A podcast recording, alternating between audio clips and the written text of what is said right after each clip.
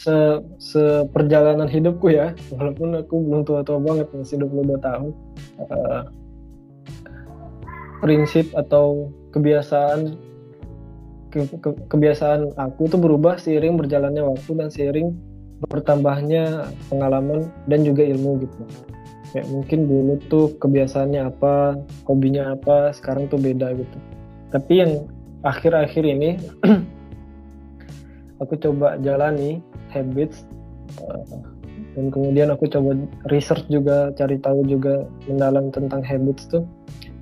Sebelum masuk habits sebenarnya aku merasa kalau berkaitan dengan aku yang mengeksplorasi ya aku lebih suka kalau lagi hektik malah. Kayak misalnya waktu zaman-zaman di kuliah tuh uh, masuk organisasi terus juga iya mungkin jadi jadi ketua gitu ya di sisi lain masih ada tanggungan tugas terus masuk ke ke beasiswa gitu di asrama ada kegiatan uh, dari pagi sampai malam.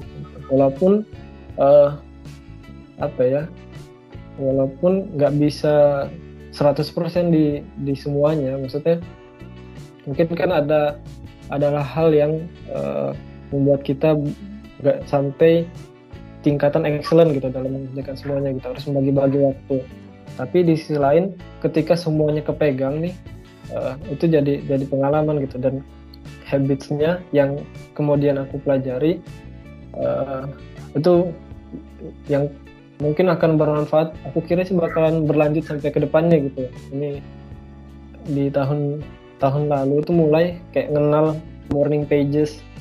Ada yang tahu morning pages nggak Maris sama morning pages. Enggak ya, itu kayak se kayak self self journaling jadi kayak morning pages itu prinsip atau apa ya ya prinsipnya morning pages itu Eh, setelah bangun setelah melakukan ritual-ritual yang biasa kita lakukan gitu. Entah bangun kamar mandi terus mungkin ada yang tahajud ada yang sholat subuh kalau nggak sampai tahajud gitu gitu setelah uh, melakukan ritual, ritual setelah bangun itu kita buka buku nulis aja apa yang ada di kepala kita gitu oh, nulis nulis iya, iya. iya. udah udah morning pages self, self journaling itu kayak yeah, decluttering yeah. kayak memilah-milah rasa yang ada di atau perasaan yang ada di diri kita gitu jadi kayak mau mencurahkan perasaan gitu ketika nulis hmm. nulis apa kayak uh, apa ya, kemarin tuh ngapain aja terus ngingetin diri juga Tuhan apa jaga sholat dan semacamnya gitu gitu terus juga uh, apa, apa yang nulis apa yang pengen dilakuin di hari ini gitu. Terus mungkin ngingetin apa target yang akan dikejar ke depannya gitu. Itu morning pages. Dan uh, kenapa adanya morning pages itu? Karena argumennya adalah kita tuh terlalu sering uh, berdiskusi dengan orang-orang lain gitu di luar kita. Tanpa sadar kalau kita tuh jarang mendalami diri sendiri gitu. Itu morning pages tuh jadi dari situ uh, ada mungkin uh, apa ya, anxiety atau keresahan yang mungkin tertuang gitu. Terus juga kita bisa memilih yang yang yang kita prioritaskan itu apa aja gitu. Itu morning pages. Nah selanjutnya dari morning pages itu uh, aku tahu ada namanya bullet journaling. Jadi bullet bullet journaling itu lebih singkat kayak dari morning pages. Kalau morning pages ya narasi gitu. Ivan dan segala macamnya ditulis kayak cerita gitu. Kalau bullet journaling mah kayak bikin per bulannya ada agenda apa per harinya ada agenda apa per minggunya ada agenda apa ada habit yang pengen dibentuk atau enggak. Terus ada uh, ya kayak gitu kayak gitulah. Itu journaling kayak titik-titik titik-titik. Ada table terus kalau ngelakuin hari ini titik titik itu juga aku mulai mulai gencarin tuh. Dari situ kan efeknya adalah uh, kayak misalnya aku aku udah nggak pernah pakai alarm lagi gitu. Ketika bangun ya kayak tidur. Ya. mungkin uh, habitnya tuh yang yang terbentuk uh, ada kayak misalnya aku nggak nggak ya tadi nggak pakai alarm lagi. Ketika tidur ya aku bangun di jam segitu karena mungkin uh, apa ya jamnya itu pasti mungkin 6 sampai 7 jam lah tidur gitu. Kalau misal kebablasan dari subuh berarti tidurnya harus dikurangin gitu. Itu kan evaluasi dasar gitu. Oke misalnya. Dan argumennya adalah dengan tidak pakai alarm juga uh, tidur jadi lebih lebih enak gitu. Jadi sistem atau apa ya kebutuhan tidurnya masih tercukupi gitu. Terus soalnya ada di buku lain kayak misalnya the power of sleep itu bagian dari uh, apa ya kesuksesan seseorang gitu. Ada argumen lain kan. Kan kayak argumen itu banyak ya. Ada yang harus tidurnya tuh dikecilin untuk uh, dapat hasil yang besar gitu.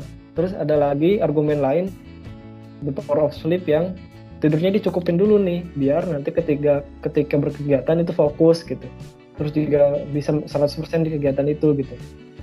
Itu kayak itu dari dari segi tidur. Terus juga uh, apa ya kayak misalnya mungkin olahraga gitu gitu uh, yang yang jadi kebiasaan gitu. Terus kayak misalnya majelis ilmu yang dijadiin kebiasaan gitu sih. Habitsnya tuh kayak gitu lebih ke sana. Baca ah. buku juga mungkin.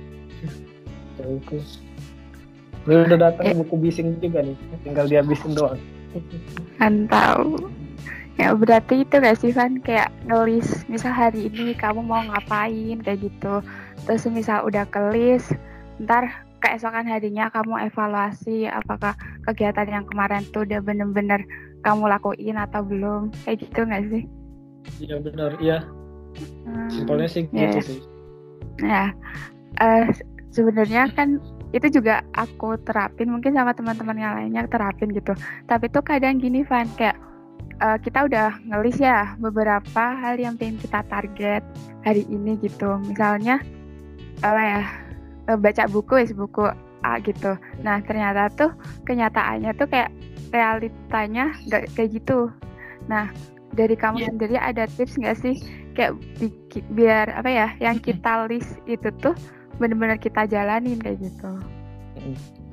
Uh, kalau sepengalamanku uh. ngerti ngerti. Aku mensiasatinya sebenarnya di sisi lain ini kayak sifatku itu kayak bukan strict gitu. Aku aku nggak bisa strict. Maksudnya strict tuh monoton kayak jam 8 jam 10 uh, harus ngerjain ini. Jam 11 harus ngerjain ini. 11 sampai eh 13 jam 1 sampai jam 3 ngerjain ini gitu aku sebenarnya kayak gitu soalnya hari-harinya menurut aku nanti kayak membosankan gitu. Aku aku aku lebih ke apa ya uh, jadi aku orangnya fleksibel. Terus untuk mensiasati nggak nggak terjadi apa ya apa yang kita list itu nggak terjadi. Aku sendiri di bulut journaling kan aku nulis apa-apa yang pengen aku kerjain. Dan itu nggak usah banyak-banyak kayak ditulis semuanya nggak usah gitu. Apa yang udah menjadi habit aku nggak tulis lagi sebenarnya kayak misalnya. Habit oh iya, iya yang tadi tentang habit juga make your bed. Ada ada yang kenal istilah ini nggak? Ini istilah pernah disebutin sama presiden Amerika atau mana gitu? Make your bed. Enggak. Oh ya make your bed itu sebenarnya kalau kalau yang dia bilang ya aku lupa orangnya ya nanti mungkin bisa dicari. Make your bed itu awal dari kesuksesan kita. Make your bed tuh artinya ngerapihin tempat tidur aja gitu. Setelah tidur langsung rapihin. Uh, itu karena dari situ uh, apa ya kita kayak bikin diri kita lebih bersemangat karena sudah menyelesaikan satu tugas di hari itu. Pun kalau hari kita berantakan kita kembali lagi ke rumah terus ngelihat kasur kita yang yang rapi yang bersih tuh jadi lebih tinggi moodnya gitu. Lebih lebih bikin moodnya baik gitu itu bed dan berkaitan dengan pertanyaan gimana mensiasatinya uh, kan sebelum tidur aku blood journaling itu sebelum tidur tuh untuk evaluasi hari. Kalau morning pages itu setelah tidur. Nah di setelah tidur aku kan nginget apa ya? Apa yang harus dikerjain di hari itu? Karena sebelumnya sudah ditulis di bullet journaling nah ketika di morning pages ada apa ya kalau aku sendiri magic wordnya tuh visualizing gitu. Apa ya kayak mengimajinasikan gitu. Misal kayak aku to do list to do list hari ini. Menyelesaikan draft bab 4 bab 5 terus yang kedua ada jadwal uh, podcast sama Faris sama Reski gitu. Terus malamnya ada ada belajar tahsin gitu. Nah tiga poin ini nanti aku visualizing gitu. Pertama kayak jam aku meng mengimajinasikan pagiku tuh kayak gimana gitu setelah subuh ngapain aja ngapain aja. Terus aku plot-plotin dulu yang udah pasti kegiatannya kayak misalnya eh, zuhur, asar, maghrib, isya, sholat. Makan sebelum zuhur uh, makan malam setelah setelah maghrib atau sebelum maghrib. Hal-hal yang udah pasti aku aku tentuin tentuin tentuin dulu tuh semuanya. Terus dari situ kayak ngebayangin aja dulu uh, ngebayangin poin-poin tadi gitu. Uh, diplot lagi yang udah pasti ada podcast sama Faris jam 9 gitu. Selanjutnya di di antara jarak itu aku nggak nggak ngebikin kayak 11 sampai jam berapa dan jam berapa sampai jam berapa sekenanya aja. Jadi visualizing mungkin uh, pagi ini bisa nyelesain bab 4 bab 5 gitu. Terus selanjutnya eh malam tuh ada ada kajian tahsin. Mungkin di siang ini bisa diisi baca gitu-gitu. Yang yang poin-poin tadi kan udah keisi semua. Terus siang tuh bisa ngapain? Kayak di diimajinasiin gitu di kepala aku gitu. Siang mungkin baca atau apa ya ngobrol sama temen. Nanti sore ada oh ya sore ini aku nanti ada jogging sih. Sore ada jogging aku baru gitu ya. Sore ada jogging gitu. Terus maghrib tuh harus apa ritual maghrib gitu. Entah ngapain ngapain. Isa baru pergi ke kajian gitu. Diimajinasikan sih daripada aku ngeplot ngeplotin terlalu monoton jam berapa sampai jam berapa gitu. Itu tuh mensiasati tidak terjadinya apa apa yang aku udah tulis sih gitu berarti kayak ya berarti dibayangin gitu ya. Tapi ya, sering dibayangin. Nah,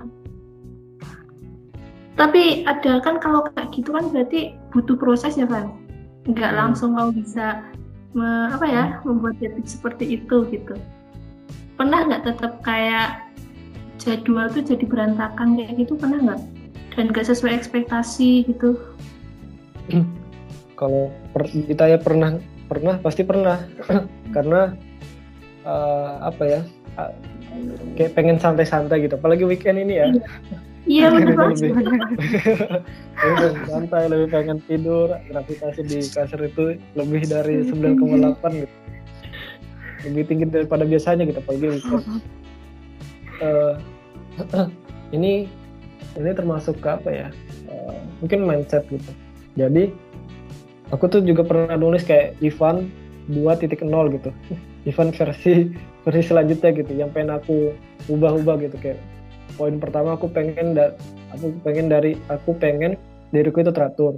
Poin kedua aku pengen uh, lebih expert di bidang-bidang yang aku pengen gitu. Salah satunya di statistika karena aku belum terlalu expert gitu.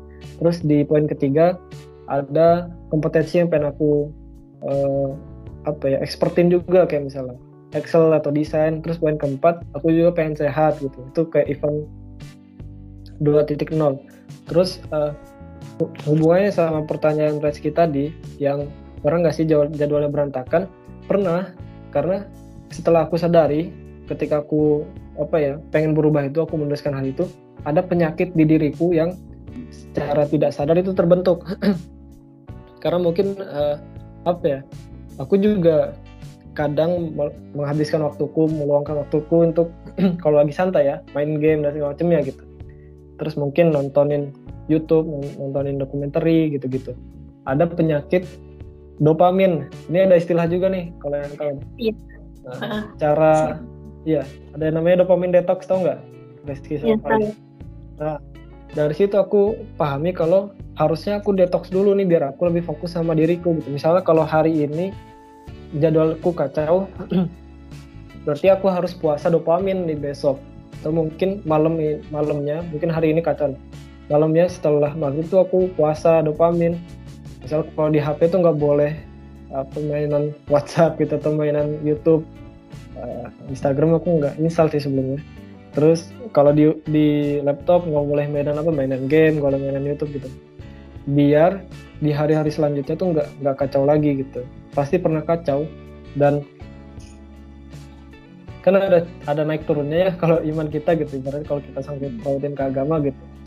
Terus kalau misalnya masih balik ke sunnah kan itu yang lebih utama gitu. Itu di jalannya yang, benar gitu. Kalau di dalam hadisnya gitu kalau kalau di futur masih tetap berpegang gitu walaupun nggak terlalu giat ibadahnya masih berpegang sama sunnah itu yang lebih baik gitu. Jadi uh, apa ya di, di detox sama aku biar uh, setelahnya aku bisa lebih baik lagi daripada hari ini. Dan mungkin hari ini yang kacau itu aku anggap sebagai cheating day gitulah dia adalah hari-hari cheating day yang ya udahlah kayaknya terlalu capek untuk ngelakuin sesuatu. Cheating day dulu lah kah nonton dulu atau baca doang gitu nggak ngelakuin hal-hal berat gitu. Mungkin bagi aku kayak sehari dua hari di di beberapa pekan itu itu boleh sih walaupun harus tetap hal-hal yang jadi kewajiban kita kita laksanain gitu sih kalau aku mikirnya gitu. Hmm. berarti tetap kayak evaluasi gitu ya dan besok harus lebih baik kayak gitu ya sederhananya detox tuh pengaruhnya tuh segitunya sih kalau di aku ya. Karena mungkin sebelum-sebelumnya tuh apa kayak ngerjain sesuatu 15 menit 20 menit itu berat banget gitu jadi setelah de setelah di detox sehari aja itu kayak uh, apa ya jadi berteman dengan rasa bosan gitu. Iya. Setelahnya gitu. tapi iya tapi cuma memulainya itu sih ya kan yang agak bukan agak malah berat banget.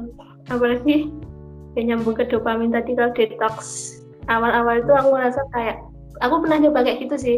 Tapi aku ngerasa ya emang berat banget tapi kalau emang udah biasa kayak gitu. Jadi ya itu kalau udah membentuk habits ya jadi enteng jelas ya gitu. Nah terus aku tertarik sama itu tadi yang event 2.0 berarti kan kamu kayak ada target-target. Oh aku harus gini gini gini gini gini. Aku pengen jadi gini gini gini. Nah dari hal tersebut pencapaian terbesar apa yang udah kamu dapat uh, pencapaian terbesar ya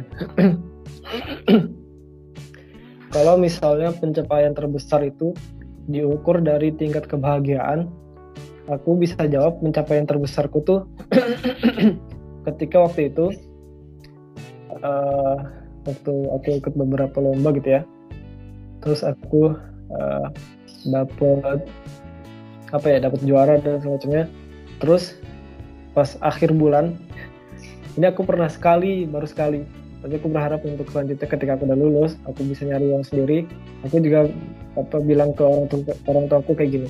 Pencapaian terbesarku itu aku bilang kayak gini ke ibuku waktu itu pernah bu bulan depan gak usah dikirim dulu ya. Abang masih ada nih gitu. Dari beasiswa dari lomba gitu. Menurut aku itu itu pencapaian terbesarku kalau diukur dari tingkat kebahagiaan. Rasanya tuh kayak gimana gitu. Kayak bahagia banget sih menurut aku itu dibandingkan dengan mungkin pencapaian organisasi atau lomba atau apa ya volunteer atau konferensi di, di luar gitu. Menurut itu nggak ada nggak ada sebanding kebahagiaannya itu dibandingkan dengan omongan tadi gitu. Itu senang banget sih menurut aku ya. Iya sih bener banget. Kayak oh ya kita pingin apa ya lebih ke orang tua ya kayak itu merupakan kayak pencapaian terbesar kita. Uh, apalagi ya Ki? Aduh ya. Kamu kepo apa nih Riz? Mumpung kan ya? Mumpung bisa event. Ya tadi agak speechless sih yang buat pencapaian terbesar. Bener-bener bener banget. Uh, ya nih definisi sederhana eh definisi sesungguhnya dari bahagia itu sederhana ya nggak sih? Iya. Iya benar.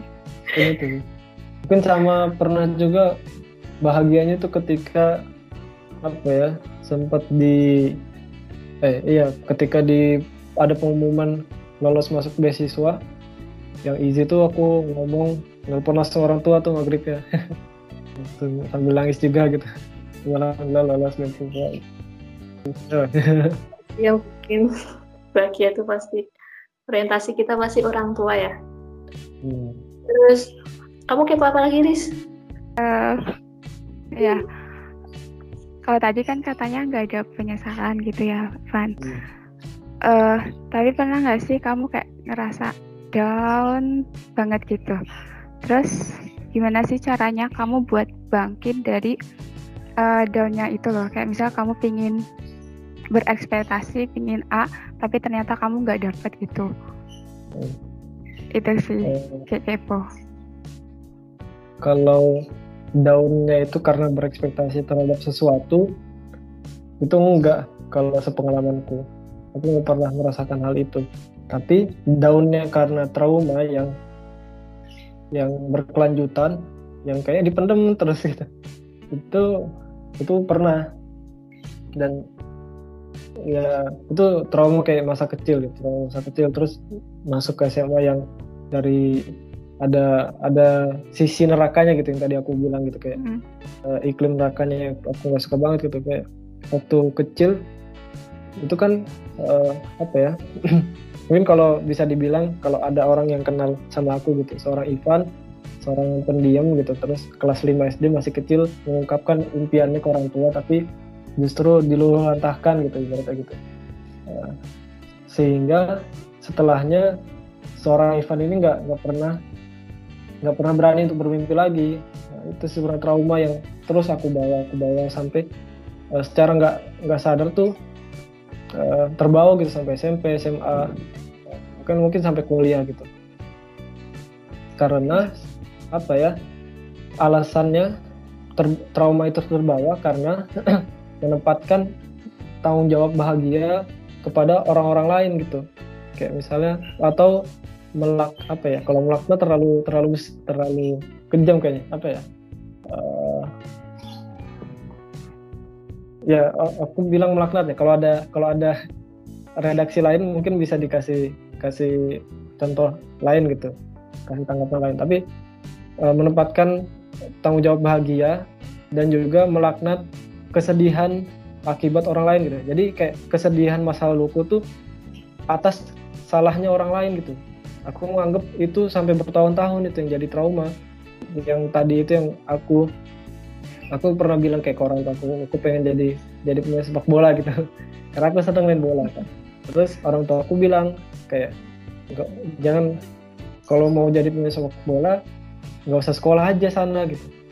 Kalau aku sebagai pribadi di kala itu yang belum uh, dewasa pemikirannya itu terbawa tuh cara nggak langsung sampai ke SMP SMA nggak jadi nggak punya ambisi lagi ya.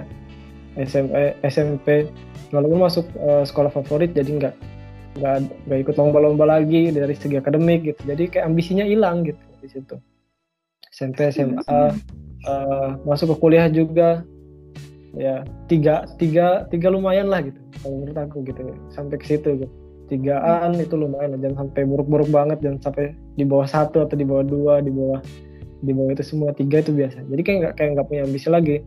Nah seiring berjalannya waktu ya aku sadar gitu. Aku nggak bisa uh, apa ya melempar tanggung jawab bahagia dan sedih itu kepada orang lain bahagia itu ada di dalam diriku dan sedih itu ada di dalam diriku gitu. Aku yang bisa menentukan sedih dan aku yang bisa menentukan bahagia gitu. Jadi setelah itu aku nggak nganggap lagi kalau orang lain tuh jahat atas eh, kesalahan-kesalahan di masa lalu. Dan aku juga nggak menganggap kalau aku butuh dia nih untuk aku bahagia gitu. Di masa di masa yang sekarang ini gitu. kan bahasanya ketinggian ya? Atau bisa dimengerti? Ini lebih. Ke diri, diri, diriku aja gitu. Bisa. Itu aku sampai kayak sesekukan sih waktu itu pas di asrama. Uh, kayak mulai apa ya mulai berdamai ya berarti gitu. Kayak berdamai dengan diri sendiri tuh mulai pas di asrama di Easy itu kayak pernah ngobrol sama apa ya uh, pembimbing ya atau pembina. Kayak berdua terus ada di, dilimpahin coba uh, perasaanku gitu kayak gimana gitu kayak nggak punya mimpi lagi dan semacamnya. Terus ditanggapi dengan cukup baik gitu kalau satu didengarkan gitu. Nah selanjutnya itu aku udah mulai berdamai. Bahkan uh, dulunya yang nggak mau ngomongin tentang hal-hal yang apa ya mendalam kepada orang tua sejak saat itu terbuka gitu. Bahkan kalau aku boleh cerita ya di sini ya uh, aku tuh kayak pernah pernah apa ya pernah bilang ke orang tua aku ke ibuku sih waktu itu ayahku lagi kerja ke ibuku bilang sebenarnya ibu tuh maunya abang tuh kayak gimana sih gitu bukan kayak nantangin ya, woi lu mau ngapain bu gitu, nggak kayak gitu, tapi lebih ke hati ke hati gitu. Ibu tuh pengennya abang, ah. abang tuh kayak gimana sih ke depannya gitu. Uh, niatku adalah aku pengen tahu ridhonya ibu tuh di mana gitu sebenarnya. Terus uh, uh, disampaikan oleh, oleh ibu yang yang ya udah sarjana dulu. Aku kan sebelumnya sebelum aku ngomong itu ke ibu pas lagi tahap ngobrol ini aku bilang kalau misalnya aku pernah bilang kayak gini sih. Aku pas uh, semester 8 boleh nggak disambil kerja gitu. Aku pengen tahu reaksi ibuku terus aku aku juga bilang bu kalau abang nikah umur dua dua dua tiga boleh nggak? gitu gitu macam gitu. Itu untuk tahu sebenarnya ridho ibu tuh di mana gitu. Nah, setelah itu aku tahu uh, ridho ibuku tuh kayak sarjana dulu yang penting terus mau kerja terus yang penting hafal Qurannya jangan dilepas gitu. Nah itu. Jadi kayak lebih terbuka. Dan semenjak itu trauma-trauma itu tuh nggak apa ya nggak ada lagi sih. Jadinya kayak sedikit demi sedikit berkurang dan nggak ada titik daunnya lagi gitu. Dan ini aku tambahan sedikit ya. Ada prinsip yang uh, menurut aku atau mindset deh mindset yang yang aku pegang dan aku terapkan gitu ada yang pernah baca filosofi teras nggak? Laris sama Rizky. Ini baru beberapa lembar sih. Beberapa lembar filosofi teras. Dan ini yang bikin kalau Faris udah pernah baca filosofi teras? Belum. Aku belum sama. pernah lihat. Kayaknya bagus sih. Uh. Filosofi teras tuh ini aku ini makin bikin aku tambah tawas tenang gitu. Di yang sebelum-sebelumnya tuh kayak mungkin dari ya dari kajian dan segala macamnya belajar tauhid itu yang bikin lebih tenang sih. Nggak ada lagi down-down lagi karena ketetapannya pasti yang terbaik gitu kan yang aku pelajari gitu. Terus apa pun kesenangan itu bisa jadi ujian bisa jadi juga rahmat. Jangan terlalu berlebihan. Juga dengan kesedihan gitu. Makanya kalau pertanyaannya tadi ada yang down mulai mulai saat terbukanya itu sampai sekarang seiring berjalannya waktu uh, aku belajar juga ikut kajian dan semacamnya itu nggak ada aku kayak down down banget gitu. Terus berkaitan dengan filosofi teras tadi yang bikin aku tambah tambah tenang ada prinsip atau ya ada mindset di filosofi teras itu yang aku terapkan di keseharian gitu. Ada apa ya jadi kayak filosofi yang stoicism namanya. Kalau nanti baca filosofi teras uh, ada stoicisme. Itu kalau ringkasnya itu kayak misalnya ketika kita menghadap ingin atau akan menghadapi sesuatu kita coba list aja dulu kemungkinan-kemungkinan terburuk terburuk yang akan terjadi ketika melakukan hal tersebut gitu. Uh, agar apa? Agar kita lebih bersiap dengan kemungkinan-kemungkinan tadi secara mental gitu ya. Tapi bukan berarti mendoakan gitu. Uh, dan efeknya adalah sebenarnya ini secara teoritis sebenarnya kita kan banyak berprasangka nih sebelum kita melakukan sesuatu kan uh, apalagi hal-hal yang di luar zona zaman atau baru pertama kali kita kita lakuin gitu. Kita kan banyak prasangka buruknya gitu. Dan sebenarnya kalau dari kajian teoritisnya 80% lebih itu prasangka itu nggak terjadi gitu. Dan ketika kita udah mempersiapkan mental untuk kemungkinan-kemungkinan buruk yang terjadi dan ketika kita dapati dari semua kemungkinan itu tidak terjadi semuanya gitu kemungkinan buruknya tidak terjadi yang terjadi adalah kebaikan-kebaikan gitu. Ada hal-hal manfaat yang kita dapat kita jadi lebih bisa menghargai momen itu dan kita jadi lebih bisa bersyukur gitu dibandingkan dengan misalnya sebelum kita melakukan sesuatu kita kayak ngeset ekspektasi yang tinggi banget gitu walaupun uh, setelah kita melakukan hal itu kita masih mendapatkan hal baik tapi karena ekspektasi kita ketinggian kita justru tidak menghargai momen itu gitu. Padahal kebaikan justru malah bersedih. Padahal hasilnya baik karena ekspektasi tinggi itu. Misalnya kayak kayak contoh gitu. Uh, apa ya? Uh, uh, contohnya ini deh podcast ini deh di setiap kehidupan tuh kehidupanku tuh aku coba. Ini nggak di list ditulis sih tapi aku list list di pikiran aja kemungkinan keburuk yang terjadi. Kayak misalnya di podcast ini uh, apa ya sinyal sinyalku buruk terus suaraku nggak terdengar gitu ya misalnya gitu. Terus hmm. mungkin canggung atau awkward gitu itu kan kemungkinan terburuk ya. Terus juga uh, kemungkinan terburuk apalagi hal-hal itulah itu bisa di list kemungkinan terburuk terjadi ketika ingin melakukan melakukan podcast. Dan ketika berjalan itu nggak ada nggak terjadi kemungkinan buruk. Yang tadi itu kan jadi lebih ya udah seneng gitu seneng seneng banget malah. Karena tidak terjadi kemungkinan buruk dan bahkan ketika pun kemungkinan terburuk itu terjadi kita jadi lebih siap dalam menghadapinya. Gitu. kalau berbanding terbalik sama kita mengekspektasikan tinggi misalnya nih kalau pas perkuliahan pede banget gitu dapat A. Ekspektasi tinggi nih. Dapatnya B. Walaupun B itu kan lulus kan itu baik-baik aja gitu. Nggak akhir dari dunia nggak langsung dihapus dari kakak keluarga. Tapi karena ekspektasinya tinggi jadinya kan dapat B aja itu jadi sedih malahan kayak gitu. Jadi itu yang aku terapkan gitu filosofi ini gitu kayak dari filosofi teras itu filosofi stoicism yang bikin aku nggak ada downnya terus bikin malah lebih tenang dalam menghadapi kehidupan tuh itu stoicism itu. Gitu. Hmm, ya pernah baca sih. Benar sih. Kadang kita terlalu berekspektasi terlalu tinggi dan kita tuh kecewa tuh bukan dengan hasilnya tapi aslinya itu kita kecewa karena ekspektasi kita sendiri ya sih? Ah ya itu benar-benar. Ya aku setuju sama itu ya kita kecewanya malah sama diri kita sendiri gitu ya aneh banget dah Iya. ya.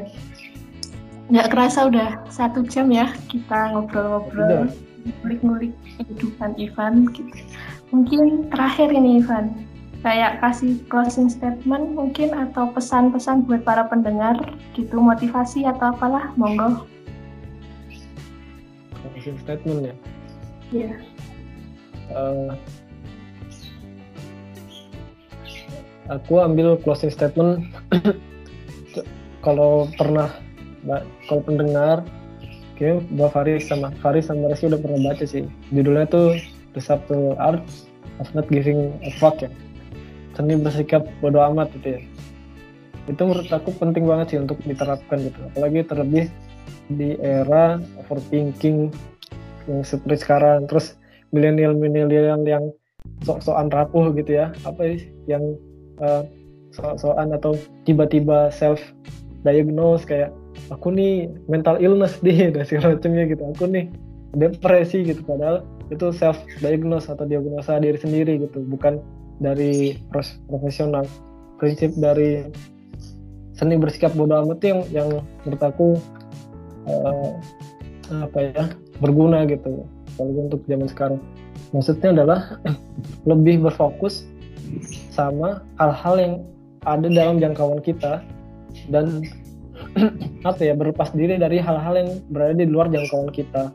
Itu yang yang lebih penting sebenarnya. Penerapannya adalah kita berfokus sama hal yang bisa kita rubah. Kayak misalnya apa ya uh, ya misalnya di, di segi pertemanan gitu kita tuh nggak berfokus sama sikap orang lain gitu. Kita nggak bisa ngatur uh, orang lain juga gitu. Ada sikap buruk ya ya udah gitu. Karena kita fokusnya terhadap diri sendiri kita bisa ngatur oh mungkin aja dia bersikap kayak gitu karena kita begini. Ya udah diubahlah ke depannya biar bisa lebih baik respon dari dianya gitu. Ini juga ber, berguna untuk hal-hal lain di di luar pertemanan gitu. Misalnya di di kampus hasil itu kalau di prinsip uh, ini ya apa seni bersikap bodoh amat tuh hasil tuh di luar tanggung jawab kita. Tapi ini ada ada teori lain sih kayak misalnya yang ada bagian dari kita juga tapi itu nggak bisa dibahas. Kayaknya terlalu berat juga. Tapi hasil itu sebenarnya bukan bagian dari kita juga yang bisa kita lakuin itu. Yang bisa kita kontrol usaha kontrol itu usaha kita dalam menggapai hasil itu. Kalau misalnya kita udah apa ya menjalaninya dan kita yakin apa yang kita dapat apa yang kita bisa dapatkan itu tercapai ya udah kalaupun nggak bisa tercapai kita tetap seneng ngelakuinnya karena kita berfokus sama proses bukan hasil gitu. Kalau aku udah kalau aku segitu ya dan masih bisa diterima. Ah, mantap kan uh, makasih ya buat Ivan yang udah mau sharing-sharing di podcast kami asli aku banyak dapat hal baru gitu pengetahuan aku banyak ngomongnya di sini ya mohon maaf para pendengar keren, keren, keren keren keren uh, mungkin Reski juga pasti dapat ilmu baru dan teman-teman yang dengerin podcast ini pun insya Allah dapat manfaatnya gitu ya. Uh, ada tambahan lagi nggak Ki? Hmm, apa ya? Mungkin promosi. Ivan juga punya podcast kan ya, Ivan? oh iya. Duh, malu aku. Keren, jelas Ya, Jadi Ivan, Ivan juga punya podcast namanya namanya Idealisme ya kan? Idealis Strap Me kayak gitu. Nah, teman-teman bisa dengerin, bisa mampir juga ke podcastnya beliau gitu. Banyak hal yang bisa dipetik sih. Ini nggak banyak sih sebenarnya. Aku cuma nyeracau aja di sana. Itu juga apa kayak melepaskan emosi, media untuk melepaskan emosi. Apa keren loh udah mungkin itu aja ya. Udah kan ya Riz nggak ada tambah lagi? Ya udah. Pokoknya makasih banyak ya Van. Sukses buat ke depannya. Semoga lancar terus. Amin. terima kasih buat Reski sama Faris udah diundang di podcast ngobrolin tentang hidup ya. Yeah. ini dalam banget sih sore ini. Topik yang diangkat aja apa deh ya mudah makin sukses kalian berdua. Podcastnya juga makin jalan biar banyak ah. manfaat yang bisa diambil orang lain. Karena kita nggak tahu kan nanti ada satu dua orang berubah. Karena podcast kita tuh nilainya tuh pasti gede banget itu, itu harta karun yang yang bakalan keguna.